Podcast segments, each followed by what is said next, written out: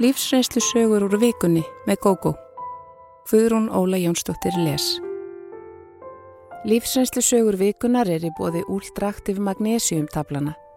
Með úldraktiv magnesiumtöflunum færðu meira út úr deginum, aukna orku, minni vöðvaþreitu og betri svefn. Úldraktiv magnesiumtöflunar fást í öllum helstu apotekum landsins.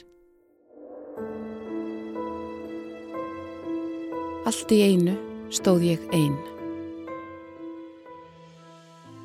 Ég var tólf ára þegar ég fekk alvarlegt áfall. Stundum veldi ég fyrir mér hvort um hafi verið að ræða það sem í daglegu tali er kallað tauga áfall. Fram að þessum degi var ég gladur krakki, fullur trausts á mannfólkið. En eftir þetta fylltist ég tortrygni og óta og það tók mjög mörg ár að finna sjálfa mig aftur. Þennan dag held ég í skólan rétt eins og vennilega, eða kannski er það ofmælt.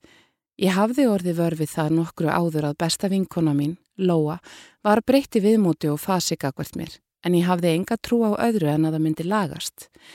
Hún var svolítið duttlungafull og ég var svo sem ekki ofun því að hún færi í fílu, yfirleitt leiði ekki á löngu þar til all fjalli ljúfa löð aftur.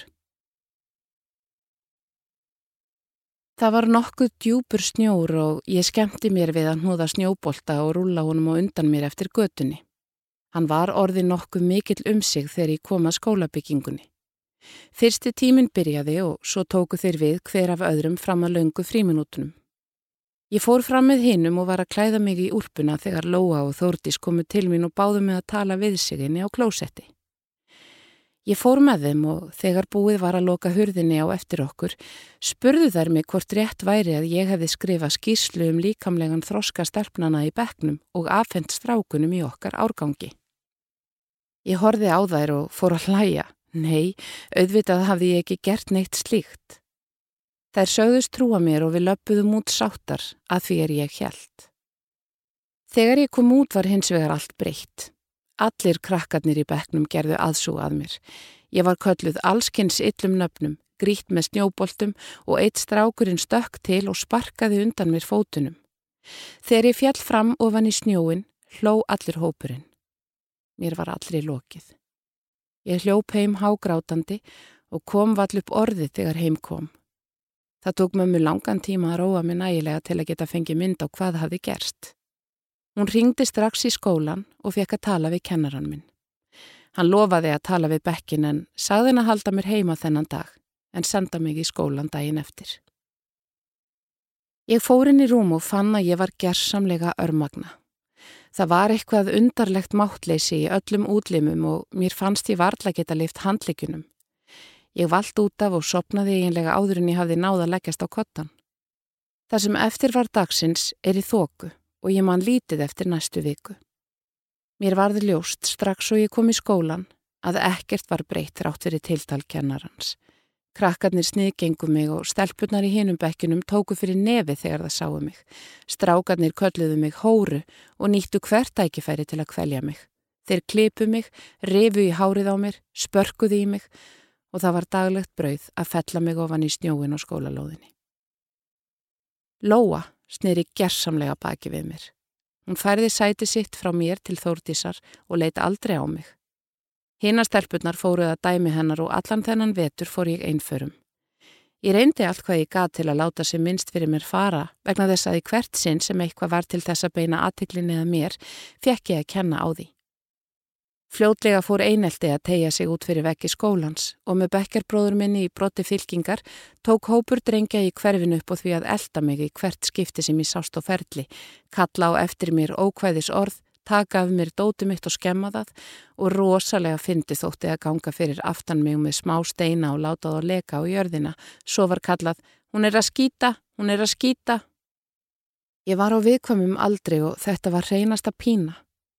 Það er líka mjög erfitt að skinja slíkt hatur og ilsku og stafaði frá öllum í minn garð, sérstaklega þegar maður veit ekki til að neyn ástæða sér fyrir því. Ég grátt bað mömmu að flytja mjög millir skóla í hverfinu en hún taldi enga ástæðu til þess. Hún vildi að ég stæði á móti krökkunum, stæði á mínu og letiðu ekki brjóta mig en ég þráði það eitt að komast sem lengst í burtu.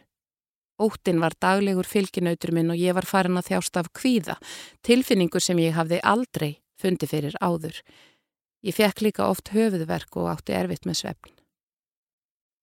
Veturinn leið og um vorið var meirið að segja mömmuljóst að ekkert myndi breytast. Um haustið byrjaði ég því í nýjum skóla. Til að byrja með var ástandi síst betra þar. Eitt þeirra stráka sem gengið höfðu hvað harðast fram gagvart mér í gamla skólanum hafði einnig verið fluttur til og hann æsti hinakrakkana gegn mér. Ég fór því einförum eins og áður og lokaði mig sífelt meira af. Ég þorði ekki að nálgast neitt og gerði ekkert til að eignast vini. Árið eftir var heldur betra því ég varð hluti af stelpnaklíku sem hafði nokkuð sterkar stöðu í bekknum mínum. Ég var þó aldrei fyllilega viðurkendur meðlumur í hópnum en fekk að vera með gegn því að ég þjónaði hinnum. Ég hljóp út í búð fyrir þær, hjálpaði þeim að greiða sér, taka til í herbyrginum sínum og vann fyrir þær verkefni í skólanum. Mér var svo sem sama. Ég passaði mig að halda ákveðin í fjarlægð. Mér þótt ekki væntum þær eins og lóu. Þær voru bara varnargarður millir mín og hinna krakkana því meðan ég var með þeim letuðu í friði. Það var ekki fyrir en þremur árum síðar að ný stelpa kom í skólan og við urðum vinkonur að þá komu brestir í brinjuna sem ég hafði um mig. Ég varð einlegur vinur hennar og hún minn. Samt átti ég enn erfitt með að treysta fólki og alls ekki strákum. Ég passaði mig ávald á að halda þeim frá mér eins og ég gatt. Árin liðu og smám saman fór að snjóa yfir áhrifin af eineltinu og mér fannst ég hafa jafnað mig nokkuð vel. Þá ringdi Lóa, eitt daginn, alveg upp úr þurru. Á dauða mínum átti ég von, en ekki þessu. Hún bað mig að hitta sig og ég stóðst ekki mátið. Hún var glöð og reif, ekkert nema elskuleg heitin, alveg eins og hún hafði alltaf verið eftir fílukostin sín, en að þessu sinni leti ég ekki blekkjast.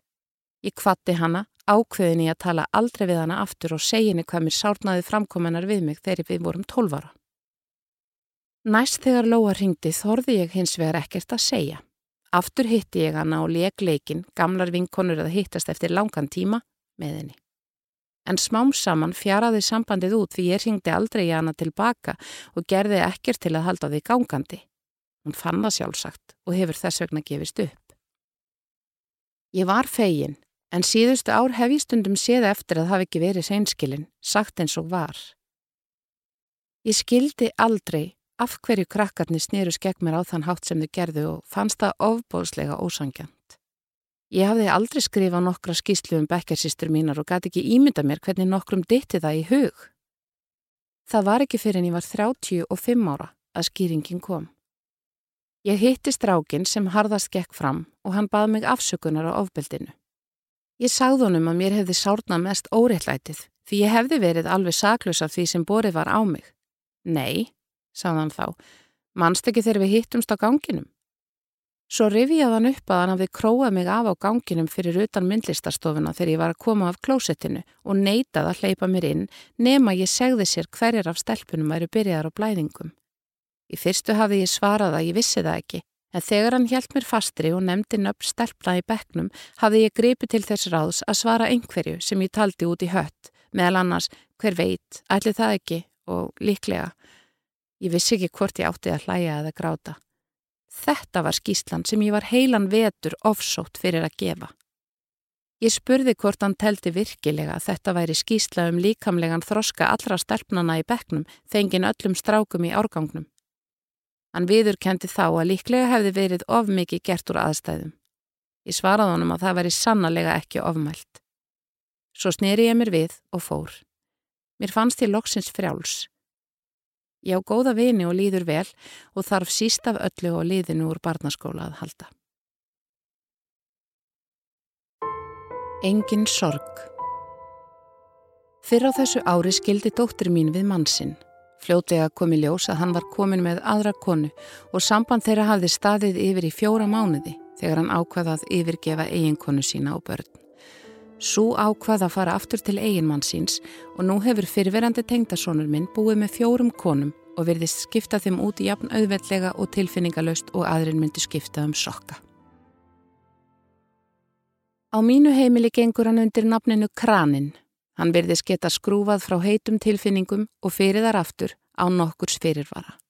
Við höfum hinga til ekki orðið vörfið að hann sirki fjölskyldulífið eða sakni konu sinnar, barnana, viðhaldsins eða hinna sem koma og fara. Mér er þetta óskiljanlegt. Trúnaður og nándmyndli hjóna var álitin verðmæti á mínu æskuheimili. Góð og langvarandi hjónabönd voru eftirsóknarverð og fólk var tilbúið að leggja þó nokkuð á sig til að varvita þau. Nú finnst mér yngra fólk með þetta meira spennu, peninga og félagslega stöðu en traust, væntumþykju, umhyggju og ræktarsemi. Í fyrra haust held dóttur mín upp á færtugsamali sitt. Tengdasónur minn stóð upp í veislunni og flutti langa ræðu um ágæti dóttur minnar og hver heittan elskaði hana. Við komumst öll við, svo fallega talaði hann. Ég fann fyrir ósegjanlegri gleði yfir að hún ætti þennan góða mann að. Mér og engum öðrum viðstötum hefði geta dottið í hug að þremur mánuðum síðar hæfið þessi maður ástarsamband við konu viðskiptafélaga síns. Þannig fór það samt. Jólinn komu og líkt og venjulega var mikið um að vera í fjölskylduminni. Við komum alltaf öll saman á aðfangadagskvöld, borðum og tökum saman upp pakkana. Tengdasónur minn gaf dóttur minni glæsilegan skartgrip og létt fylgja þegar hún setti hann upp að hún væri fallegri en nokkur demantur. Aftur hugsaði ég að sannarlega væri hún heppin. Nýtt ár gekk í gard og við tóku annir og snúningar hjá öllum. Af og til letu þó ungu hjónin við hjá mér og þá tók ég eftir að tengdasónur minn var mjög breyttur. Hann hafði valla tíma til að setjast niður og þau stoppuðu stutt. Þann tíma sem þau voru var hann alltaf með annað augað á símanum, svaraði skilabóðum og nokkrum sinnum komu símtöl sem hann varð að afgreða. Ég nefndi við dóttur mín að mér finnist hann breyttur í hegðun en hún sagði að það væri bara mikið að gera og hlutinir myndu lagast þegar hægðist um í vinnunni. Ég vonaði að þetta væri rétt en hafði eitt hvert leiðinlegt hugbóðum að þannig væri það alls ekki. Ég held ég hafi fundið á mér hvað væri í gangi. Setni partin í februar fór dóttir mín í helgarferð með saumaklubnum sínum út á land. Hún veiktist á förstutaskvöldinu og var ekki skári morgunin eftir. Þá ákvað hún að halda heim. Hún rendi inn í götuna heima hjá sér og sá að ókunnugum bíl var lagt í heimastæðið. Þetta var snemma morguns og henni fann skrítið að einhver vinur væri í heimsókn hjá manni hennar. Hún lagði fyrir aftan bílin og fór inn. Allir voru í fasta svefni í húsinu og hún kíkti inn í herbergi barnana áður en hún opnaði svefnibryggistyrnar. Henni brá óskaplega við þá sjónir við blasti. Í rúminu með manni hennar var eiginkona vinnufélaga hans og með eiganda í fyrirtækið þeirra. Kona sem er 12 árum eldri en hann. Svo mjög kom á hana að hún lokaði einfallega dyrunum aftur, gekk út og settist inn í bílinn sinn, setti í gang og kerði heim til mín.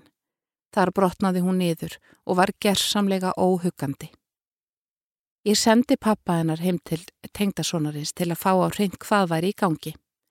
Þegar maðurinn minn kom á staðin var konan farin og tengdasonurinn ekki heiðalegri en svo að hann reyndi að neyta að hún hefði verið hjá honum. Dóttir mín hafði hins vegar tekið mynd af bílnum þannig að líti þýtti að þræta. Næstu dagar og vikur voru martröð. Dóttir mín fór fram á skilnað og að maðurinn flytti út. Hann fann fljótlega íbúð og við fréttum að viðhaldi hengi þar löngum stundum en væri þó enni hjónabandi. Dóttir mín ringdi þá í mannin hennar og sagði honum alltaf leta. Hann trúðin ekki fyrir hún sendi honum myndina af bílnum. Þetta var til þess að hann setti konu sinni úslita kosti. Annað hvort hætti hún með tengda sinni mínum og gæfi sig alla í hjónaband þeirra eða flytti út samdægurs. Hún valdi fyrir kostin. Þessi niðurstaða var sennilega einhver vonbreyði fyrir tengdason minn fyrirverandi. Að minnstakosti ringdi hann í dóttur mína og jó sér yfir hana fyrir að hafa haft samband við viðskiptafélag hans. Hann ringdi líka í mig og hvaðast hafa alvarlegar áhyggjur af andlegri heilsu dóttur minnar. Hún hefði hótað sér og ofsækti viðskiptafélagan með símtölum. Hótanirnar voru þær að hún hefði sagst ætlað að sjá til þess að börninennar færu aldrei inn á heimili hans og viðhaldsins. Þetta tólkaði hann sem ofbeldishótun og bar dóttur mína út fyrir það. Förðufljótt virtist hann þó vera búin að jafna sig að fullu því fljótlega byrtust statusar á Facebook þar sem hann lísti því yfir að einni lífhans væri komin dásamleg kona.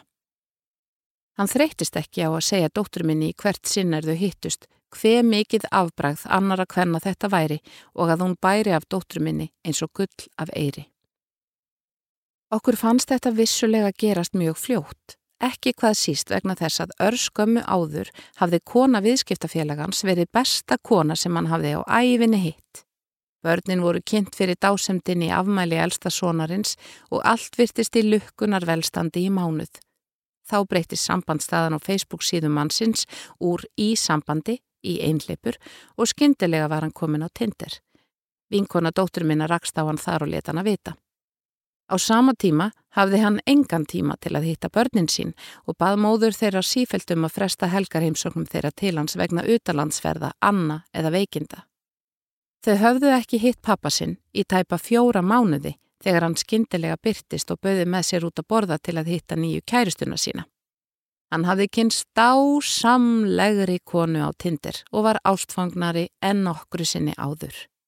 Þau voru farin að ræða sambúð og honum fannst við tímabært að börninans færu að mynda samband við hana. Þetta endist í fjóra mánuði, þá gafst þessi kona upp á honum. Dóttur mín heyrði eftir henni haft að hann væri yfirborskendur en það kom á daginn að þetta samband sýrði hann ekki fremur en þau fyrri. Sama dag og hún sáð honum upp var hann búinn að opna aftur Tinder-profílinn sinn og ekki leið og löngu þar til við fréttum að ný kærasta væri komin í spilið. Það samband stendur enn, en í fjölskyldu minni er maðurinn aldrei kallaður annað en kranin. Okkur finnst nefnilega með ólíkindum hver auðveldan á með að skrúfa frá ástartilfinningum sínum og fyrir þar aftur. Hann þarf aldrei að sirkja skiprót sambanda sinna sama hvort um er að ræða stuttar eða langar samvistir. Í öllum löngum samböndum skiptast á skín og skúrir. Það getur verið erfitt að komast í gegnum lægðirnar en sé unnið úr þeim styrkja spöndin. Eftir því sem fólk eldist verða sameilegar minningar dýrmættari og að hafa einhvert sér við hlið sem skilur og deilir með manni kjörum eitthvað sem er ómetanlegt. Tengdasónur minn fyrirverandi mun liklega aldrei skilja það. Ég vorkin ánum ofurlítið því hann mun sennilega aldrei upplifa raunverulega ást.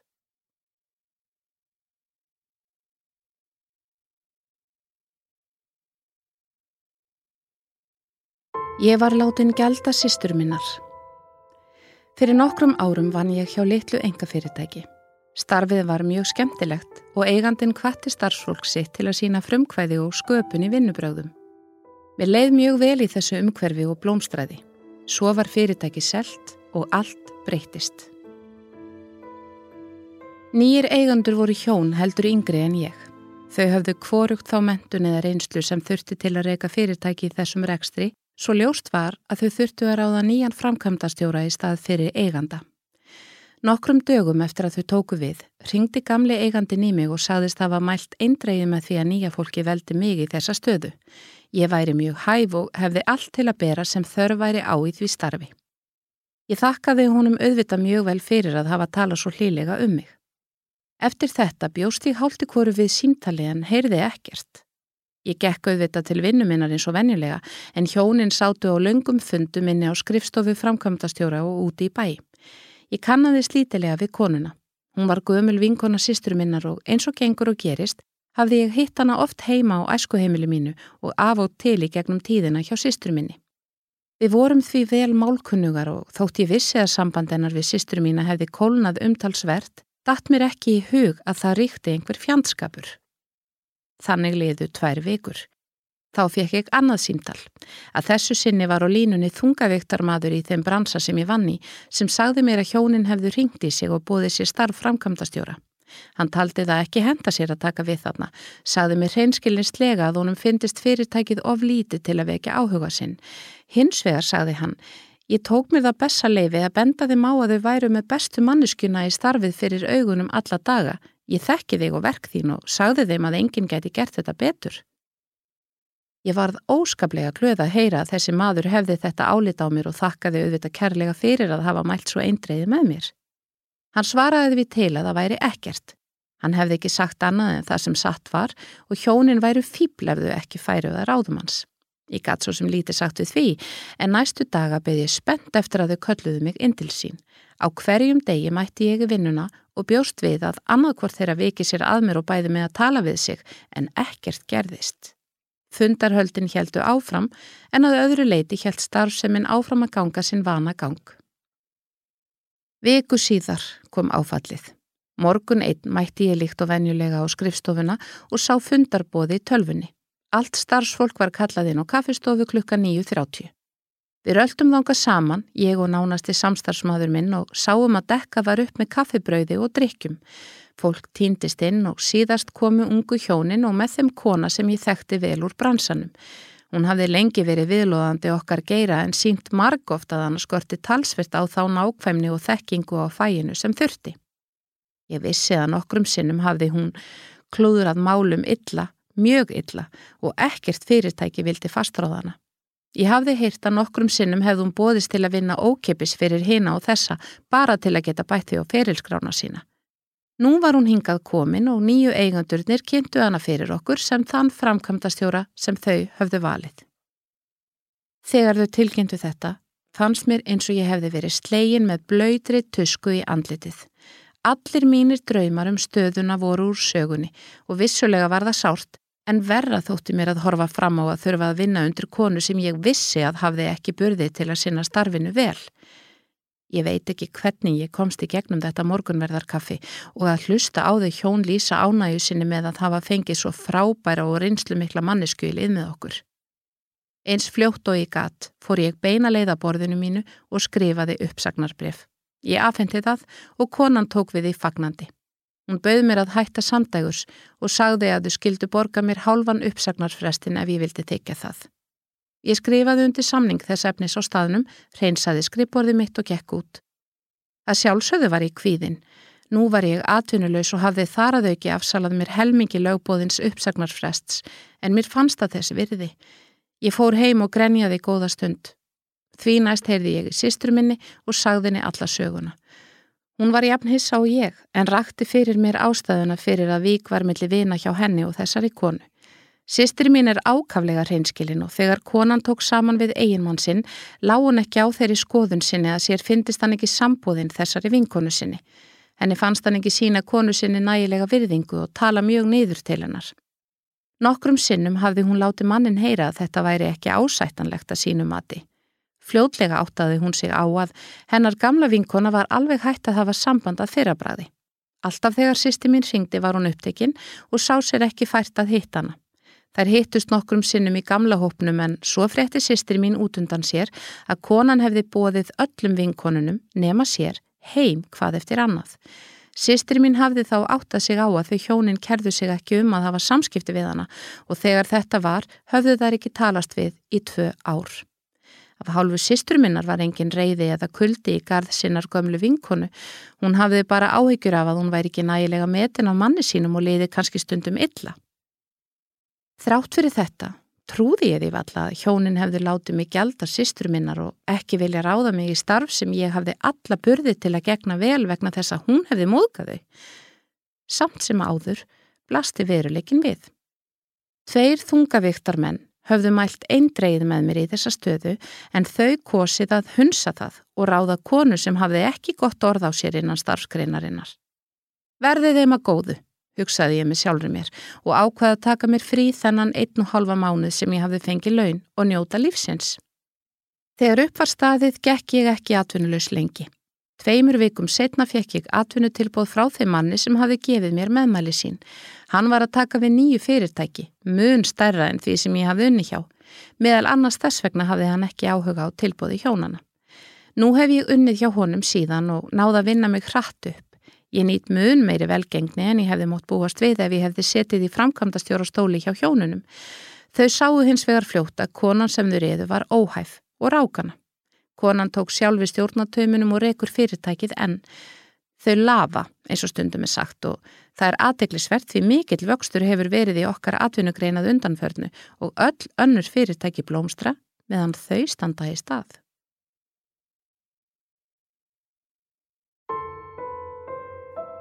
Ég öðlaðist nýtt líf. Sólinn skein en mér fannst hún ekki skína fyrir mig.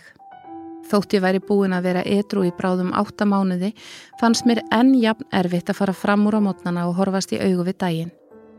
Þessi dagur var verið en allir aðrir fram á þessu því ég var komin heim og átti í fyrsta skipti að mæta á AA-fund um kvöldið í kirkjunni þar sem ég fermdist Tilugsunin var bókstaflega skelvileg.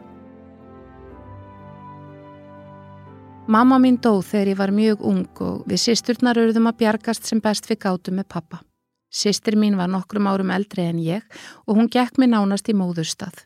Pappi drakk og ég mann fyrst eftir honum fullum og illa líktandi, sofandi á sófanum heima. Nágrannatnir höfðu skömm á okkur og við fengum að heyra að við værum sóðalegar og ekki til neitnar fyrirmyndar. Við vorum sjaldan bóðunar til annara batna og kæmi eitthvað upp á var okkur gjarnan kentum. Við vorum sagðar eiga upptökað öllum rifrildum og slagsmálum sem áttu sér stað meðal sterknana og hyrfi einhver hlutur var eina skýringin á kvarfinu svo að við hefðum tekið hann. Mín viðbröfið þessu meðan ég var lítil var að reyna eftir megnið að vera góð og dögleg. Þegar ég var tíu ára þóði ég alla þvotta af mér sjálf og sá alfarið um að þrýfa heimilið. Sistir mín sáu um matseld og við hjálpuðum stað við að strauja og nostra við hárið hvor á annari. Sistir mín var óveinu lipur hárgrislu kona og hafði ótrúlega næmt auga fyrir því sem klætti aðra. Hún klifti alltaf hárið á mér og ég reyndi að klippa hana að aftan. Þegar hún varð úlingur voru hína stelpunar fljótar að finna að þarna væru hæfileikar á ferð og þær heikuðu ekki við að notfara sér það. Oft var eldúsið heima eins og snirtistofa en þrátt fyrir þetta var grund á því góða. Sistir mín mátti þóla það að vera eitt daginn hluti af hópnum og allra vinur en næsta dag var henni útskúfað. Þetta tók hún óskaplega næri sér og ég var sennilega eina vitnið að því þegar hún há greitt klukkutíminum saman ofan í kottan sinn á kvöldin. Ég var öðruvísi. Ég leitaði ekki eftir félagskap hinna heldur fór einförum Ég hafði engan þann hæfileika sem nýttist hinnum svo þær sótust ekkert eftir því að umgangast mig. Ég hafði gaman af að læra og reyndi eftir megnið að standa mig vel í skólanum og það gerði ég allan grunnskólan. Ég var með þeim hæstu á grunnskólaprófi í mínum árgangi en þá var sýsti mín farin söður til að læra hárgreyslu. Ég fór á eftir henni og pappi lofaði að senda okkur peninga til að gera henni kleift að klára sitt nám og mér að fara í mentaskóla. Við sýsturnar leiðum saman litla íbúð og allt gekk okkur í hægin. Sýstir mín drakk mikið og það fór ekkert fram hjá mér að hún var komin í slæman félagskap. Samt kláraði hún sveinsprófið og komst á samning. Mikið var ég reikin og glöð þegar sýstir mín kláraði námið og við skáluðum saman fyrir árangri hennar. Ég hló og masaði við alla vinnanar sem mættir voru í hóf heim til okkar og ég var allt önnur en ég var vön, kátt, málglöð og orðheppin. Þetta var í fyrsta skipti sem ég smakkaði vín og hefði átt að vera það síðasta en þegar áfengið byrjaði að hafa áhrif fannst mér ég vera stórkostleg. Feimnin rann af mér og mér fannst ég geta tekið þátt í gamninu og leift mér að vera til. Ég var dauða drukkin og man ekki eftir nema broti af kvöldinu. Við byrjuðum heima hjá okkur með nokkrum góðum vinum sýstruminnar en síðan var haldið niður í bæ á skemmtistað. Ég man að ég dansaði við nokkra kunningasýstruminnar en síðan er allt hölið myrkri þanga til ég vaknaði daginn eftir í rúminu mínu, alklætt og illa þunn. En þótt mér liði illa var minningin um það hversu gaman var kvöldið áður það björt að ég vissi að þetta myndi ég gera aftur. Næstu árin endur tóku fyllir í hins sig í byrjunum helgar en svo fór ég að drekka inn í meðri viku líka. Tvísvar reyndi sýstir mín að fara í meðferð. Í annað skipti þegar hún varð ófrískan, hún var fljóta falla eftir að hún koma aftur heim til mín. Ég var auðvitað að drekka og það gæti valla skada mikið þótt hún tæki eitt glas með mér. Sistir mín eignaðist aldrei batni sitt. Hún visti fóstrið og það varð okkur teilefni til að hugga okkur með výmugjöfum. Sistir mín var farin að spröyta sig um þessar myndir og einu sinni mátti litlu muna að hún dægi. Ég var full eins og venjulega og kom heim í herbyggiskitruna þar sem við byggum saman. Þá lág hún í fleti sínu eins og hún svæfi. Eitt hvað var til þess að ég fór að stumra yfir henn og tala til hennar. Þegar hún svaraði mér ekki reyndi ég að hristana og þegar það dögði ekki gerði ég mér grein fyrir að hún væri meðvindundalus. Ég hljóp út og náði að stöðva leigubíl sem átti leiðum göttuna og ég bað bílstjóran að hjálpa mér. Hann hjælt bara yfir mér ræðu og kallaði mig dópistaræfil og dræsu og kerði í burtu. Ég var farin að hágráta og hljóp eftir göttunni í örvendingu og bað alla um hjálp sem ég mætti, Engin vildi sinna mér. Fólk leiti aðra átt eða let sem það heyrði ekki til mín þar til loksins að par sem átti leið þarna umstoppaði og bað mig að vísa sér veginn heim til okkar. Madurinn skoðaði sístur mína, tók síðan upp farsíma og ringdi á hjálp. Þetta kvöld ákvaði ég að gera eitthvað í mínu málum. Ég var svo einskisverð persóna í augum allra sem ég mætti að enginn treysti sér til að hjálpa mér. Ég fór í meðferð og átta mánuðum síðar var ég komin heim til pappa. Hann hafði farið í meðferð tveimur árum áður og verið etru síðan. Hann bauð mér að koma og búa hjá sér meðan ég næði betur áttum og þar var í morgunin sem ég vaknaði með kvíðan hút í maganum vegna þess að um kvöldið átti ég að fara á AA-fund. Við gengum inn í sapnaðarheimilið og á borði rétt innan við dittnar var tilbúið kaffi í könnum og botlar. Ég fór beint að borðinu og fekk mér kaffi. Svo hófst fundurinn.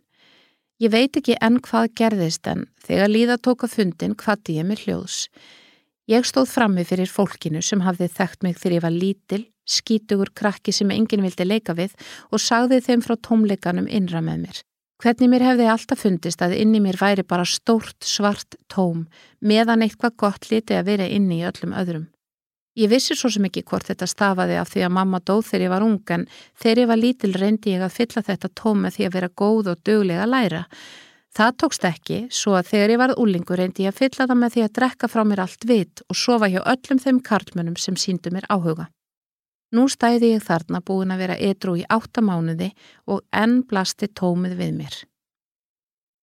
Fundinum lauk og á leiðinu út kom stelpa til mín. Hún saði, Veistu að ég held að tómi sem þú ert að tala um sé innra með mér líka. Ég dáist að þér að þú skuli geta horst í augu við það á hverjum degi og vera samt edru. Síðan spurðun mig hvort hún mætti fá símanúmeri mitt og hvort hún mætti heimsækja mig einhver tíma. Ég leta hann að hafa númeri mitt og allt í einu sá ég sjálfa mig með augum þessara stúlku. Það komir á óvart að uppgötva að virðingarnar fyrir mér var raunveruleg. Þetta kvöld öðlaðist ég kjark til að halda áfram vegna þessara stúlku. Við höfum samband og okkur gengur ágætlega að lifa án vímuefna. Sistir mín er enni neyslu. Hún hefur oft farið í meðferðin en ekki tekist hann á tökum á lífi sínu. Mín heitasta ósk er svo að henni takist það eitt góðan veðurdag.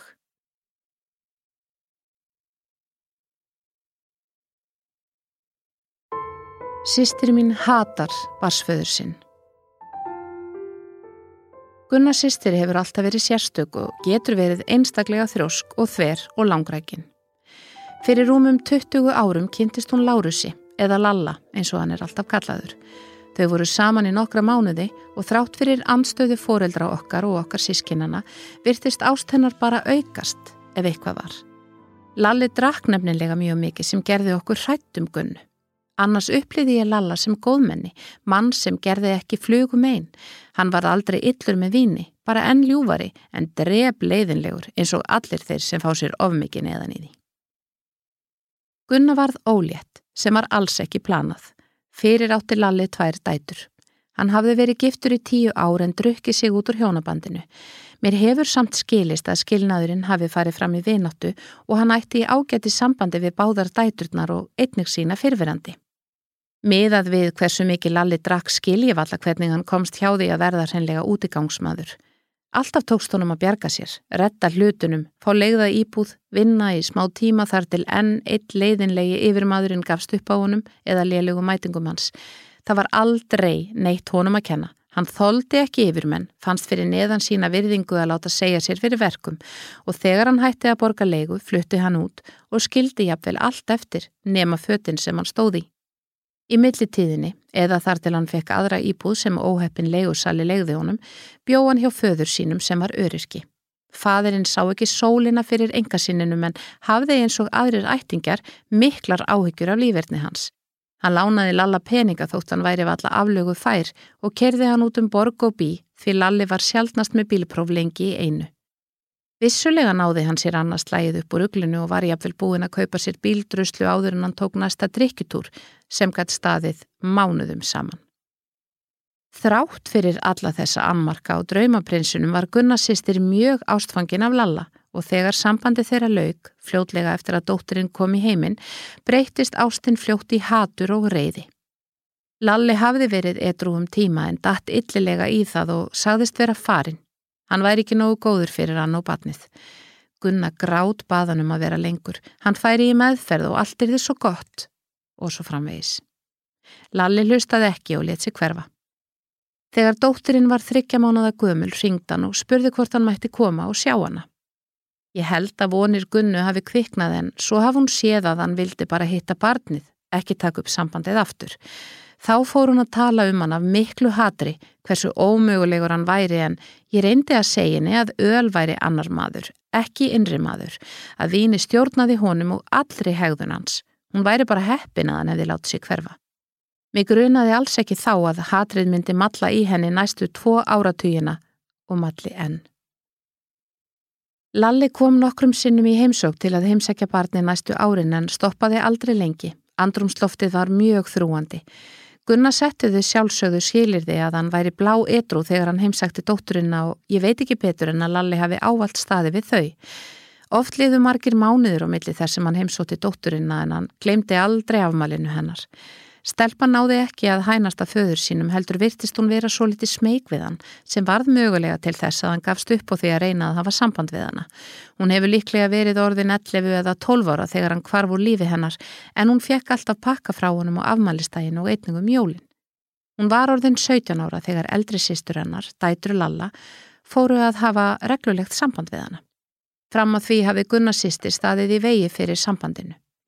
Björk og Fjóla buðu henni á ímsa viðburði í fjölskyldum þeirra en báðar eru þar giftar, önnur á fjögur börn, hinn þrjú, svo þarna egnaðist sýsturdóttur mín stóra og samhenda fjölskyldu. Hún hefur þó alla tíð verið heikandi í samskiptum við sýstur sínar því hún veit að mamminar er ósátt við að hún umgangist þar mikið.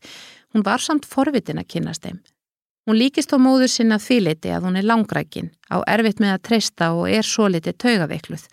Hún lendi í einelti í grunnskóla en það stóð sem betur fyrir ekki lengi. Þó talar hún enn um það og hatur sitt garð strákana sem strítenni. Ég skipti um starf fyrir nokkrum árum og fór þá að vinna með Björk, eldri dóttur Lalla fyrir að hjónabandi, afar elskulegri konu. Ég hafði hitt hana áður, eitt augnablík þegar ég skuttlaði frænguminni í jólabótilinnar. Við Björk rætum sjaldan um föður hennar en ég vissi að hún hafði áökjur af honum og lífverðni hans. Það var ekki fyrir ná jólahlaðborði fyrirtækisinn sem við töluðum almennilega saman og þá kom ímislegt skrítið í ljós. Björg sagði mér að henni þætti mjög vænt um frængu mína eða sístur sína en hún evaðist um að þær eruðu nokkur tíma nánar. Hún virti stundum hálf hrætt við hálfsistur sínar en alveg skelvingulostin við að hitta föður sinn. Hún þáði aðeins bóð til þeirra ef hún var vissum að hann kem ekki. Björg hefði reynd að spyrja hana út í þetta en lengst af á nokkurs árangurs. Nýlega hefði stelpann þó gefið í skinn að Lalli hefði misnótað hana þegar hún var lítil, of ung til að muna eftir því sjálf. Mamminar, sýstir mín, hefði talað um að það hefði verið ástæða þess að hún skildi við Lalla. Það datt hreinlega af mér andlitið. Ég vissi að þetta væri algjör afbökun á sannleikanum. Það var Lalli sem fór og það var fíknin sem dróðan frá sýstur minni og barnið þeirra. Þarna hafði sýstir mín farið illilega yfir strikið en ég evaðist samt ekki um að hún væri farin að trúa þessum legum sínum sjálf. Mörg dæmi um slíkt voru til og ég hafði oft, sérstaklega þegar hún var krakki, þurft að leiðrætta sögurnar hennar sem voru oft ansi fjari sannleikanum.